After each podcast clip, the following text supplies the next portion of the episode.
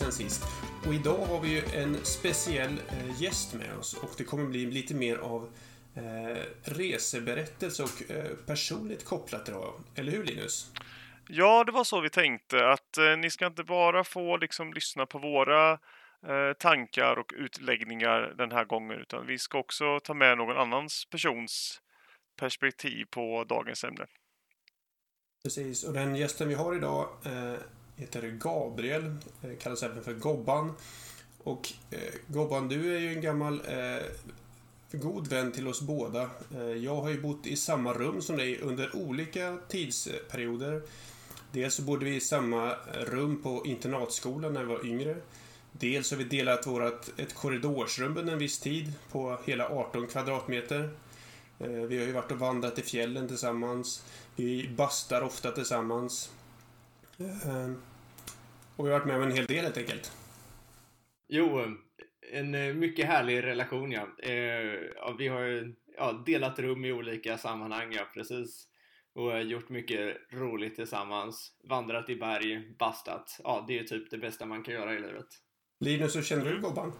Ja, eh, jag, det, jag egentligen har ju lärt känna Gobban genom dig Erik, får man säga. Eh, så att det var väl där under den perioden, misstänker jag, när du och Gobban delade det där korridorsrummet, så bodde ju jag i samma korridor. Så på så sätt så, så lärde jag känna Gobban. Och vi har väl ätit ostkaka tillsammans. Eh, jag tror vi också klämt ner någon butterkaka också för den delen. Eh, men, men sen så är det också så att det kanske den starkaste kopplingen som jag har till Gobban är ju faktiskt att han har jobbat tillsammans med min fru under något år tror jag det var Gobban, kan det stämma? Ja, precis, det stämmer. På Operation Ja. Mercy. Precis.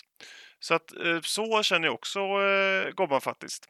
Och det var väl en av hans inträdesbiljetter till mitt bröllop också för övrigt. Så där var han också med.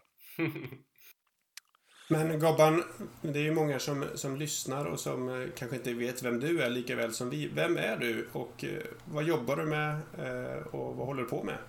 Eh, jo, men jag, jag är en eh, mångsysslare är nog bästa sättet att beskriva mig just nu egentligen. Jag gillar att testa på olika grejer och jag gillar att ha många järn i elden och jag håller på med lite av varje så det är väl det som, som ligger i grunden. Men eh, det som jag gör mest nu sedan ett år det är att jag är en gammal hederlig folkhögskolelärare där eh, ja, jag jobbar på eh, allmän linje, grund och gymnasienivå med mycket sköna människor från hela världen men också en och annan eh, svenne. Sen så är jag ju liksom eh, en integrationsnörd och det liksom genomsyrar både mitt, eh, mitt liv och, och mitt jobb. Eh, och bland annat så har jag haft då en eh, klass för asylsökande, iranier i första hand.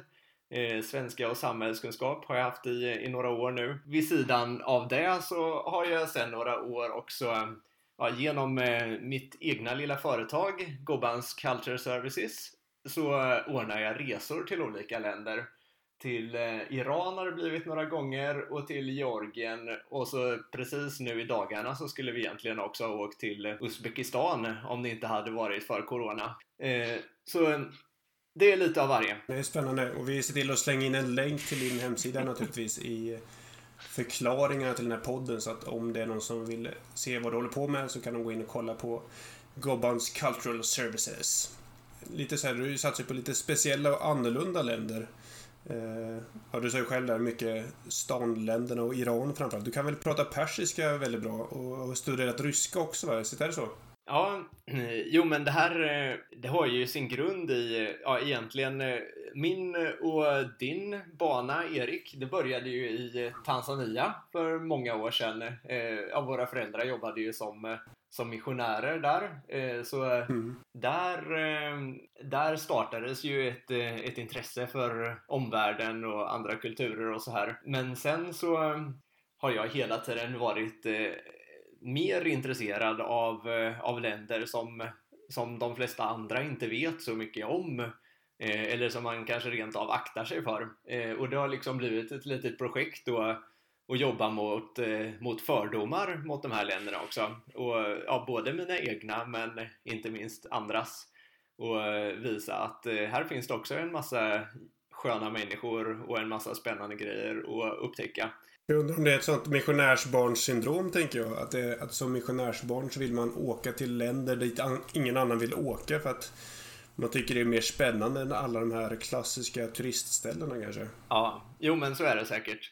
Eh, och även Tanzania eh, tyckte väl jag att eh, det är lite för vanligt och lite för populärt. Så då så började jag drömma mig bort mot eh, Centralasien till eh, Iran och Tadzjikistan och Afghanistan och andra ställen. Men eh, det kommer vi till mer sen senare tror jag. Det du har ju till och med eh, skrivit en, en artikel för Vagabond har jag för mig också kring något av de här eh, länderna. Visst är det så? Jo, precis. Eh, det var...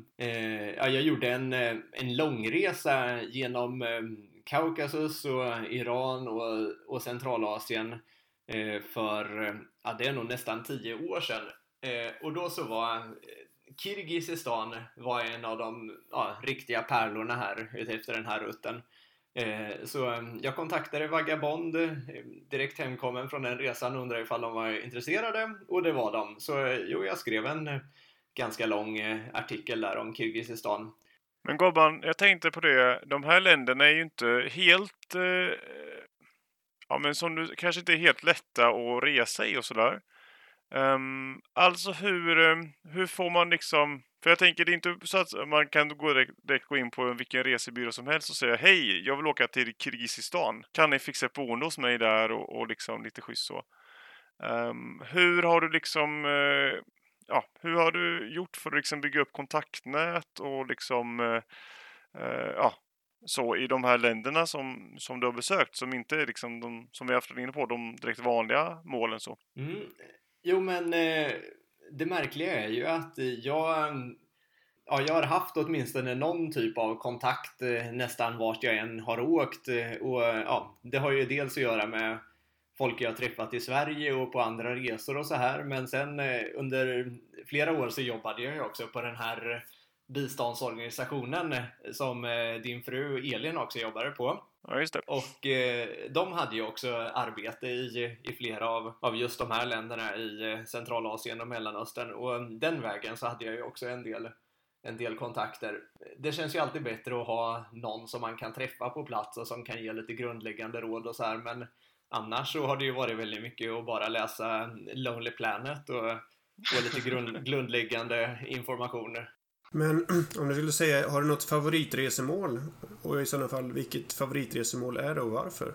Jo, men eh, det är ju... Eh, de som känner mig skulle kanske tycka att jag är lite tjatig för jag, jag tjatar mycket om det här landet. Jag har rest väldigt mycket, eh, faktiskt. men eh, av alla länder som, eh, som jag har besökt så, så är det ett land som är väldigt speciellt för mig eh, och det är Iran. Eh, och, eh, och det har mycket att göra med att eh, det är liksom eh, det är ett helt extremt land när det gäller folks fördomar om landet eh, mot hur det faktiskt upplevs eh, när man kommer dit som, som turist. Och, och det, det gör det till ett väldigt fascinerande land. Men det är ju också tyvärr ett land som är svårt att ordna resor till så fort någon kanske bara börjar fundera på och kanske resa dit så börjar man läsa nyheterna och så hör man en massa negativt om Iran hela tiden. Eh, och eh, ja, det är väldigt få som, eh, som kommer till skott, även om man kanske är lite nyfiken.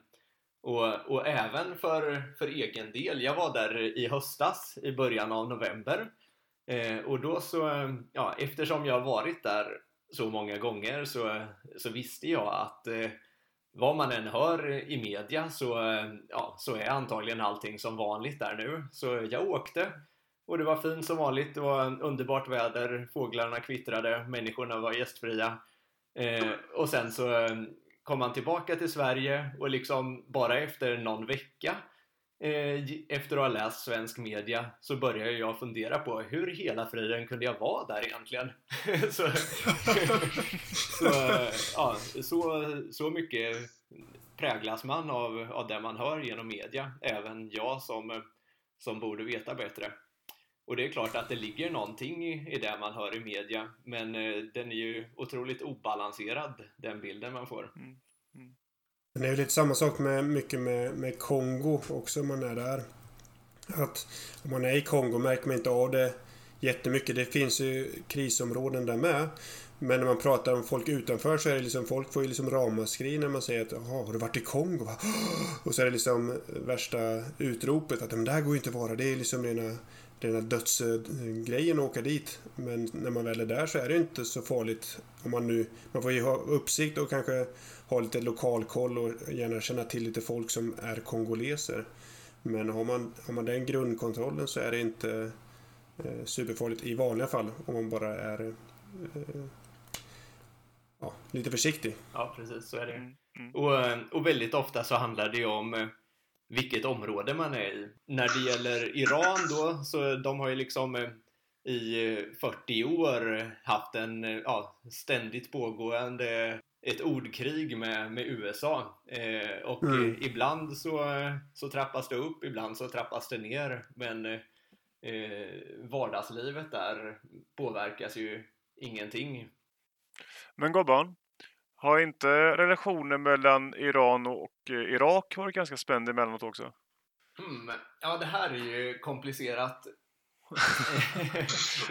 Jättekomplicerad situation. Där, eh, ja, om vi ska snacka liksom, eh, ja, storpolitik i, i, och geopolitik i världen så eh, USA, de, de vill ju styra upp saker och ting och, och styra och ställa lite grann som de själva ville i Mellanöstern och plockade bort eh, Saddam Hussein och tänkte att eh, allting skulle lösa sig. Eh, Men konsekvensen blev ju då att Saddam som, företro- som företrädde en minoritet av sunniter ehm, han, han hade ju inget, inget stöd av den folkliga majoriteten som är shiiter och kurder. Och eh, den största gruppen i landet är shiiter som då hade varit eh, förtryckta under många år av Saddam Hussein. Eh, så när USA plockade bort honom och liksom tvingade på landet demokrati uppifrån på något sätt.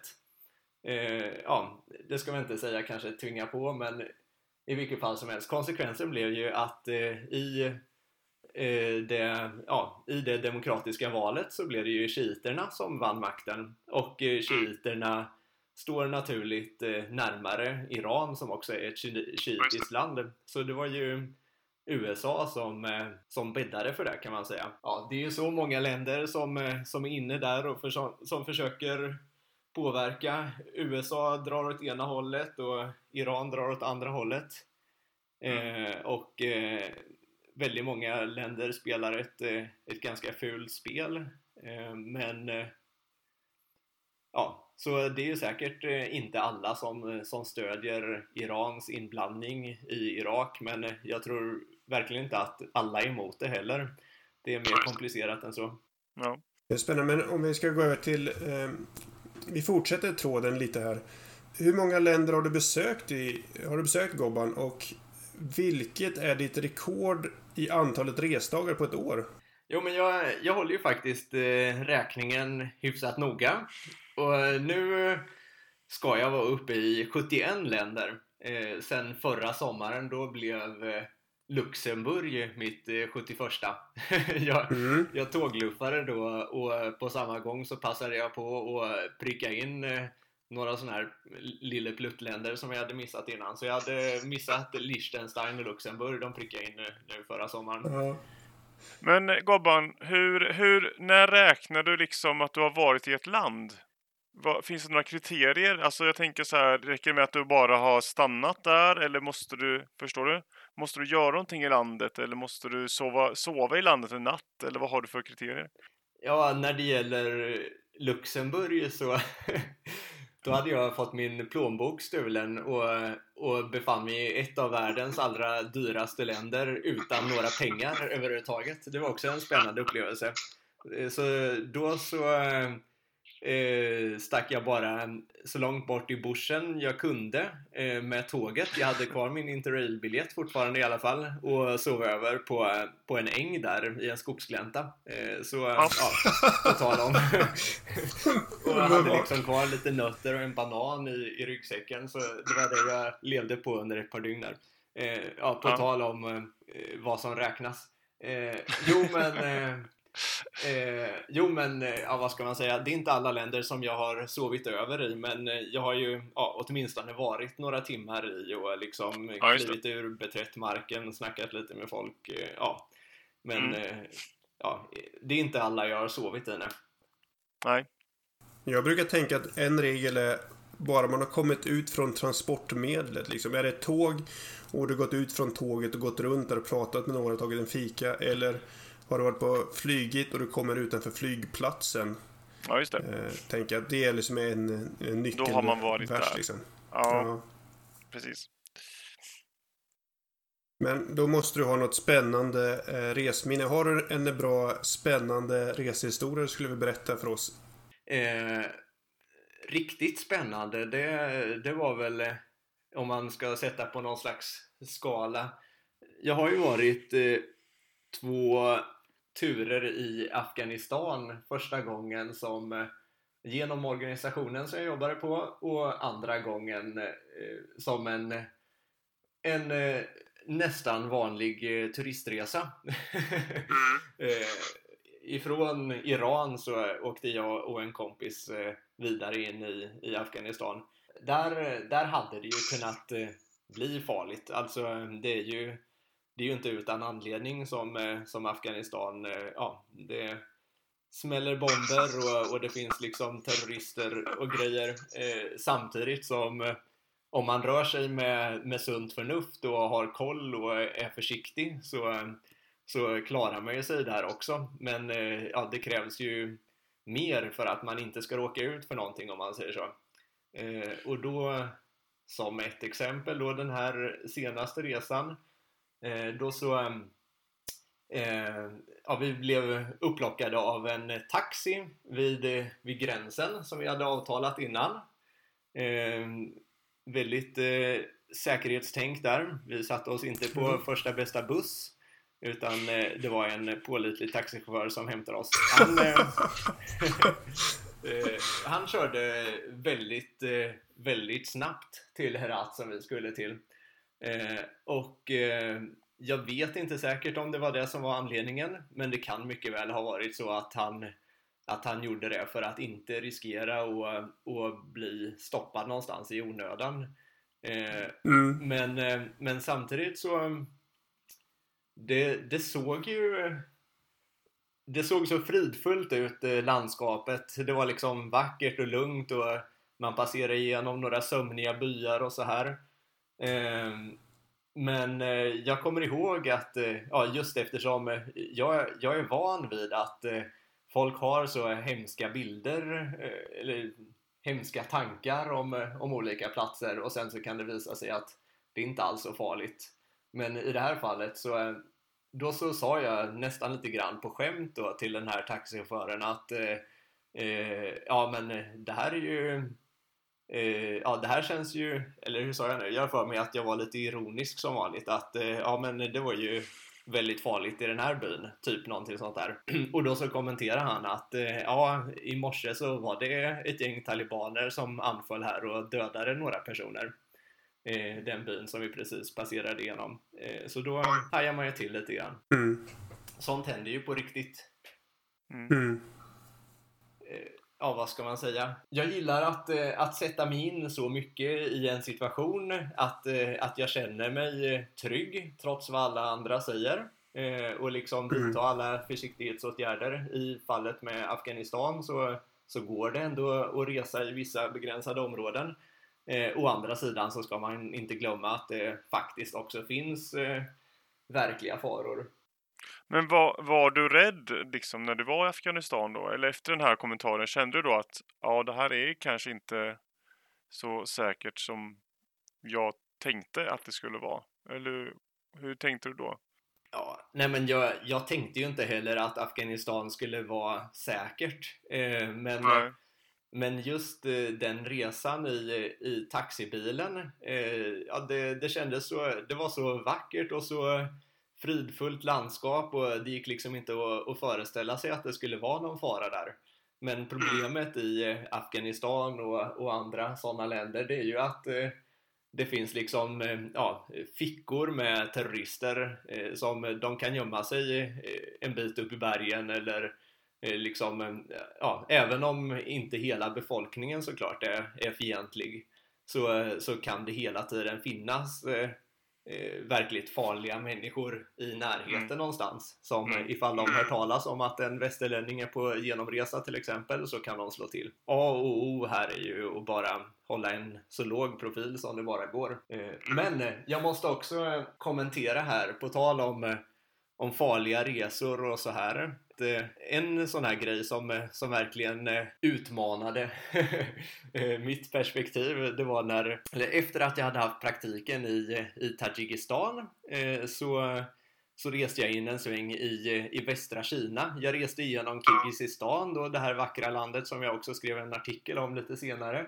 Eh, och in i, i västra Kina i eh, Xinjiang, eh, ja, ökenområde, reste precis vid Gobiöknens kant och så här. Och, eh, och folk eh, hemma i Sverige som vanligt tyckte väl att jag var lite småtokig som rörde mig i de trakterna och liksom hur ska det gå och så här. Men eh, det var verkligen ingen fara överhuvudtaget, gick hur bra som helst. men så kommer jag ihåg då att samma dag som, eh, som jag sen eh, flög hem. Eh, då så, då så hade familjen varit ute och paddlat kanot på ån utanför Vimmerby. Och, och det var väldigt mycket vatten i ån. Och när de kom till någon fors så hade de liksom förlorat kontrollen och kanoten hade ja, sugits in under någon stock och så här. Och Eh, ja, och saken var att eh, det, det, hade kunnat sluta riktigt, eh, riktigt illa. Det var ett par stycken som hamnade under vattnet och, och, visste inte riktigt hur de skulle ta sig upp. Det gick bra i slutändan, men för mig så, så blev det också ett tecken på att ja, här har jag rest kors och tvärs i långt bort i stan, i länder som folk tänker är helt livsfarliga. Så kom jag hem till mm. Sverige och så hade min familj nästan kunnat dö i en å i, i Vimmerby. Eh, mm. Så ja, det kan vara farligt var man än befinner sig. det gäller att ha lite perspektiv på sakerna, att det kan vara farligt även här i Sverige fast man inte tror det. Ja, visst.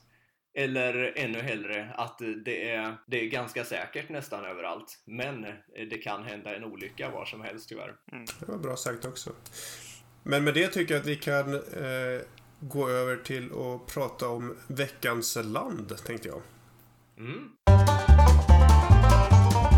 Veckans land! Veckans land i den här veckan eh, kommer vara en av eh, Gobbans eh, små eh, hjärtepärlor som han har lite kunskap kring. Eh, och det är Moldavien. Eh, hur har du en relation till Moldavien, Gobban?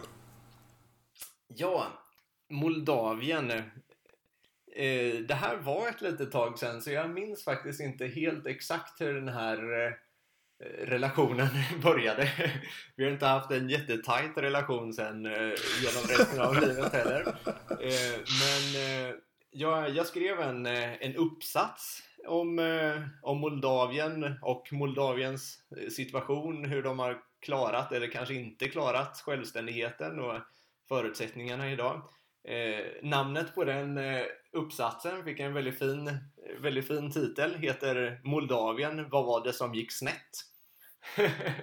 och det är väl en, en sammanfattning på, på läget i det landet. Det man kan säga som historia är väl att Moldavien är en gammal Sovjetstat, så det är det du pratar om lite grann när det gäller hur de har kommit vidare från Sovjetstyret, antar jag. Det, det bara antar jag att folk känner till. Mm. Jag förtydligar bara, man vet aldrig. Men, men det är intressant för att Moldavien är ju det land i Europa som har minst antal turister per år. Ja, Precis. Och över 25 procent av befolkningen från Moldavien har utvandrat. Men det är väl också sett som eh, Europas fattigaste land, om jag inte är helt ute och far här också. Jo, precis. Jo, eh, i början av 90-talet när, när de här länderna började bli självständiga, eh, då så då låg eh, Albanien egentligen ännu risigare till än, eh, än Moldavien. Moldavien hade ändå hyfsat goda förutsättningar. Men Albanien har seglat om medan Moldavien har haft fruktansvärt motlut. Då. Ja, och det är ett land med fantastiska jordbruksmarker och eh, hade en hel del industri och så här. Ja, ett eh, väl fungerande land, eller ett väl fungerande samhälle ska man säga, inom Sovjetunionen. Eh, men sen i samband med att Sovjetunionen föll samman så av olika skäl så, så gick allting emot dem. Och det är Mm. där som vi kommer in lite grann på på de här härliga utbrytarrepublikerna som jag tänkte komma in på. Eh, för eh, då så orkar ni höra lite moldavisk historia här eller? Det tycker jag. Jag antar att du kommer ut in på den fina utbrytarstaterna utbrytarstaten här, Transnistrien och Gaugusien. Kan det stämma? Jo, för då så var det som så att eh, Transnistrien, eh, som ni hör på namnet så är ju det den delen av Moldavien som ligger på andra sidan om floden eh, Dnister, därav Transnistrien.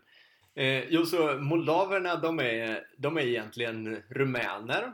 Eh, så eh, i samband med självständigheten då så var det mycket tal om att eh, Moldavien kanske skulle slå samman med Rumänien eftersom det ändå var samma folk och pratar samma språk.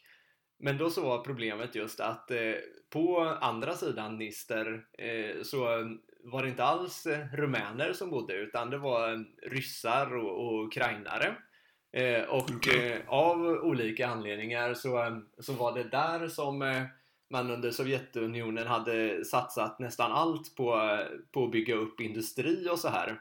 Så det var, Mhm. det var egentligen eh, landets eh, motor kan man säga låg i Transnistrien. Eh, och, eh, och de hade ju ingenting överhuvudtaget med Rumänien att göra. Så när nationalismen blommade upp där och moldaverna var stolta över sitt rumänska arv och ville återförenas med dem.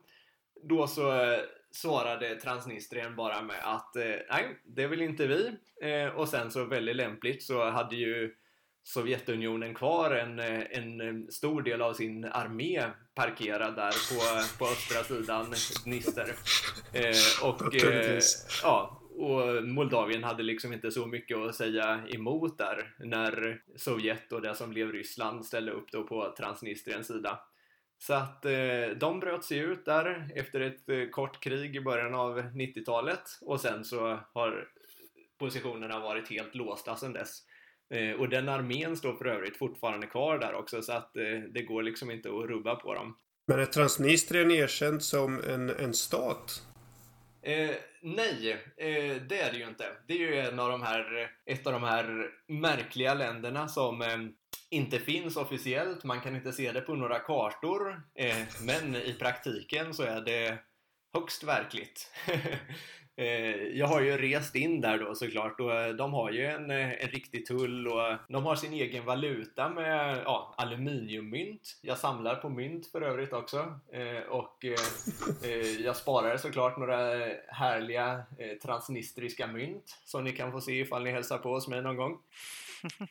Det, det enda jag har hittat när jag kollar på det var att det var tre, tre stater som erkänner den som en, en stat. Och det är de delvis erkända staterna Abkhazien, Nogombo-Karabach och, Sy- och Sydossetien. Sydossetien, precis. Så, det- så det är lite så här, de som, inte, de som inte har blivit erkända, de håller ihop i en liten egen grupp. Att vi erkänner i alla fall varandra kan man säga. Ja, precis. Det är, det är helt enkelt eh, det är fyra stycken utbrytarrepubliker inom forna Sovjet som, eh, ja, som har en Mm. liknande historia då eh, och som håller varandra under armarna. Men det är intressant, jag tänkte på det, för du sa ändå att, att det finns lite ryssar och så i, i, i Transnistrien. Det är inte så att Ryssland på något sätt har ställt sig på deras sida liksom och, och försvarat dem gentemot Moldavien eller sådär? Ja, jo men det har de ju verkligen gjort. Den armén som står där, den, den tillhörde ju ursprungligen Sovjet men ja, den har väl ja, gått över till, till Ryssland så jo, det, det är Ryssland som, som upprätthåller det läget och det är mm. väl för övrigt eh, deras eh, strategi på ganska många olika områden. Även om de inte går in och tar ett helt land så har de liksom ett litet hörn av olika länder här och där och på så sätt så, så kan de eh, ja, påverka utvecklingen och ja, alltid göra sig påminda på något sätt. Precis, de kan ha ett finger med i spelet lite när de vill sådär. Det är väl lite samma som de har gjort nere i Kaukasien till exempel också på olika sätt. Precis, ja. ja. Och avslutningsvis tänker jag att vi kan ta som eh, Moldavien har ju pratat om att det har varit ganska så tröstlöst. Men de har ju faktiskt några ljusglimtar också. På sätt och vis. Bland annat har de ju eh, världens största vinkällare som heter Milesti Michi. Som grundades 1969. Den har alltså plats för över två miljoner vinflaskor. Det är hysteriskt mycket. Men är, är det alltså vin, är det så att Moldavien är liksom att de producerar sitt eget vin då? Eller att man har liksom plockat upp eh, vin från andra länder? Det är, det är, en kombination av det tror jag. En kombination, ja. Mm. Eh, men eh, kan jag få berätta om eh, nästa lilla spännande utbrytarrepublik också? Ja, kör på. Jo, för då så, som en konsekvens av när Transnistrien ville bryta sig ur Moldavien då så tyckte den lilla turkiska minoriteten i södra Moldavien, gagausierna, att eh, varför ska transnistrierna få bestämma över sig själva om inte vi får göra det? Eh, så då så eh, började de också eh, kräva självständighet. Och då så, ja, skärrade som moldaverna då var efter att ha förlorat Transnistrien så var de lite mer kompromissvilliga med gagausierna och tillät dem autonomi. Alltså de fick visst självstyre som ett sätt att, att i alla fall bevara dem inom landet. Så inom Moldavien finns det två stycken utbrytarrepubliker. En liksom eh, illegal och med våld och en eh, som är accepterad. Och med det tycker jag att vi tackar för eh, dagens land som då egentligen blev tre länder eh, i form av Moldavien, Transnistrien och Gagausien. Veckans land. Välkomna tillbaks efter eh, veckans eh, trippelland. Det blev riktig jackpot. Eh, jag tänker vi ska komma tillbaks till lite där med, med eller fortsätta på resespåret. Eh, Gobban, om du packar och du ska åka iväg, vad är det första som du packar ner i din ryggsäck eller i din väska? Det är en lite klurig fråga. För eh, jag brukar egentligen packa ner allting ganska snabbt sista timmarna. Men då så har jag under veckan innan ungefär har jag samlat på mig en, eh, en packlista där jag liksom skriver upp allting som, eh, som jag kommer på som jag bara inte får glömma att ha med mig. Eh, så jag vet inte vad det är jag slänger ner allra först faktiskt. Är det någonting som brukar komma upp först på listan då? Om man helt enkelt ska säga det som är allra, eh, ja, allra viktigast eller, eller allra mest användbart, då är det ju som så att eh, jag var ganska sen in i, matchen med att skaffa en, en smartphone. Men när jag väl hade gjort det, då så började man ju känna att eh, ja, hur har jag överhuvudtaget kunnat klara mig utan den här?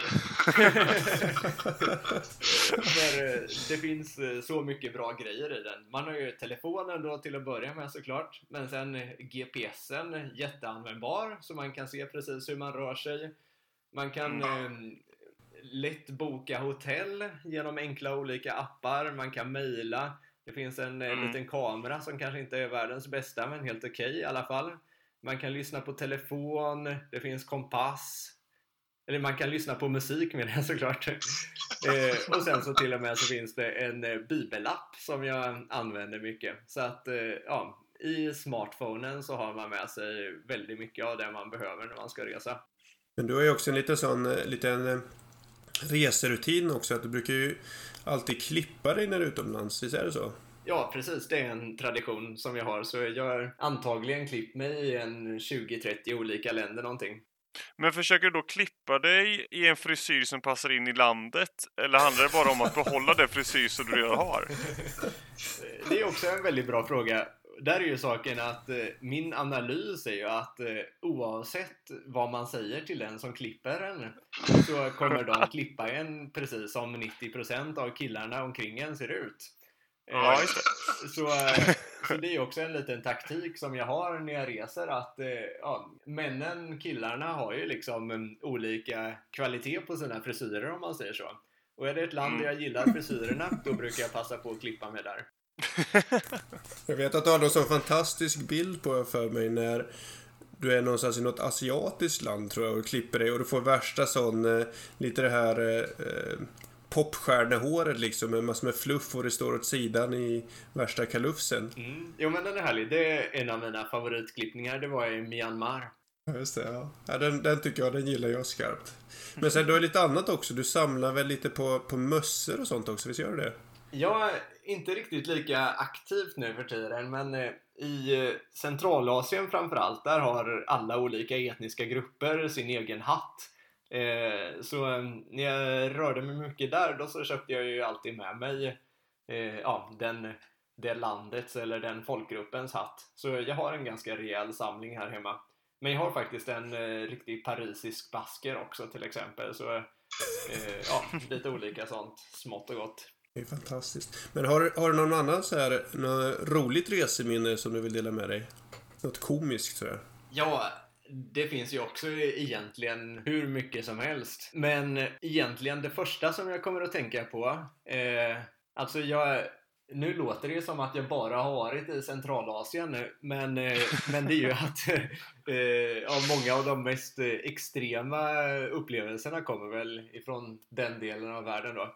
Men eh, då så kommer jag att tänka på eh, en upplevelse från det väldigt märkliga landet eh, Turkmenistan.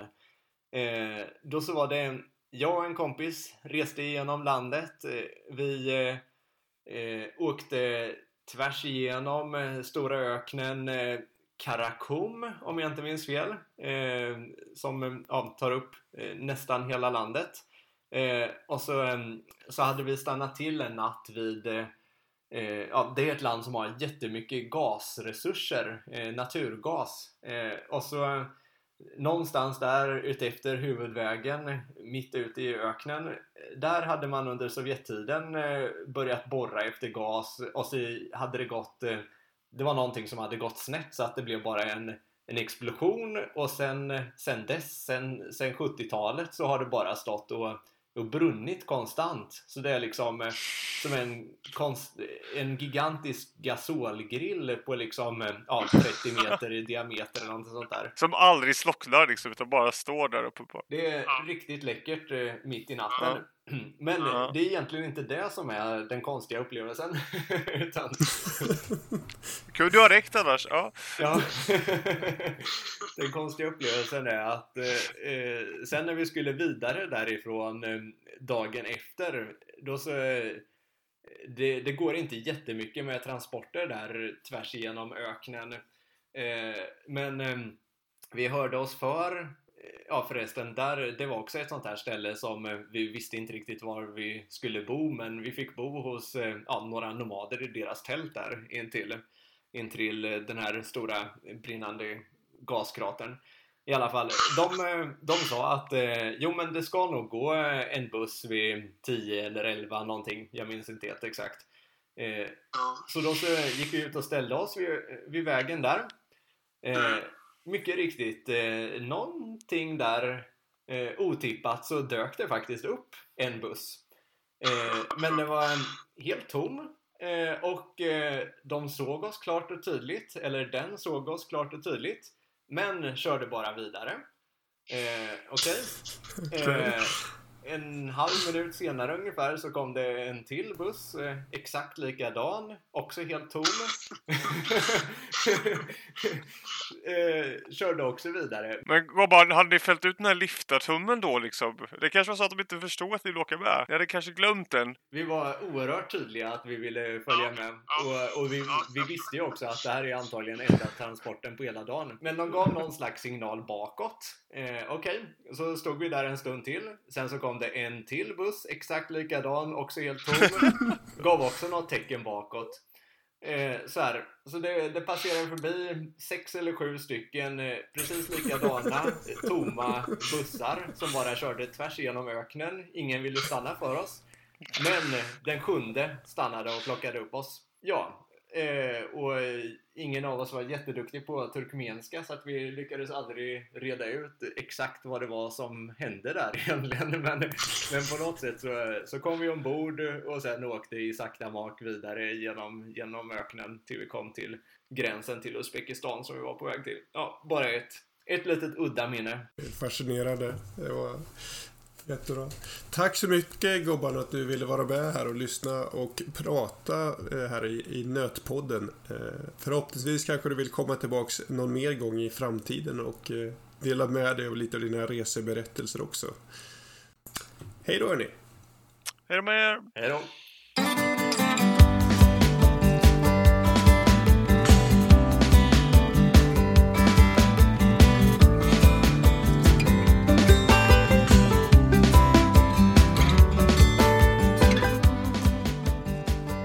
För att du har lyssnat på Nötpodden. Naturliga och överraskande tankar-podden. På tisdag klockan 07.00 kommer nästa avsnitt. Hoppas vi hörs då. Hej då! Hej då!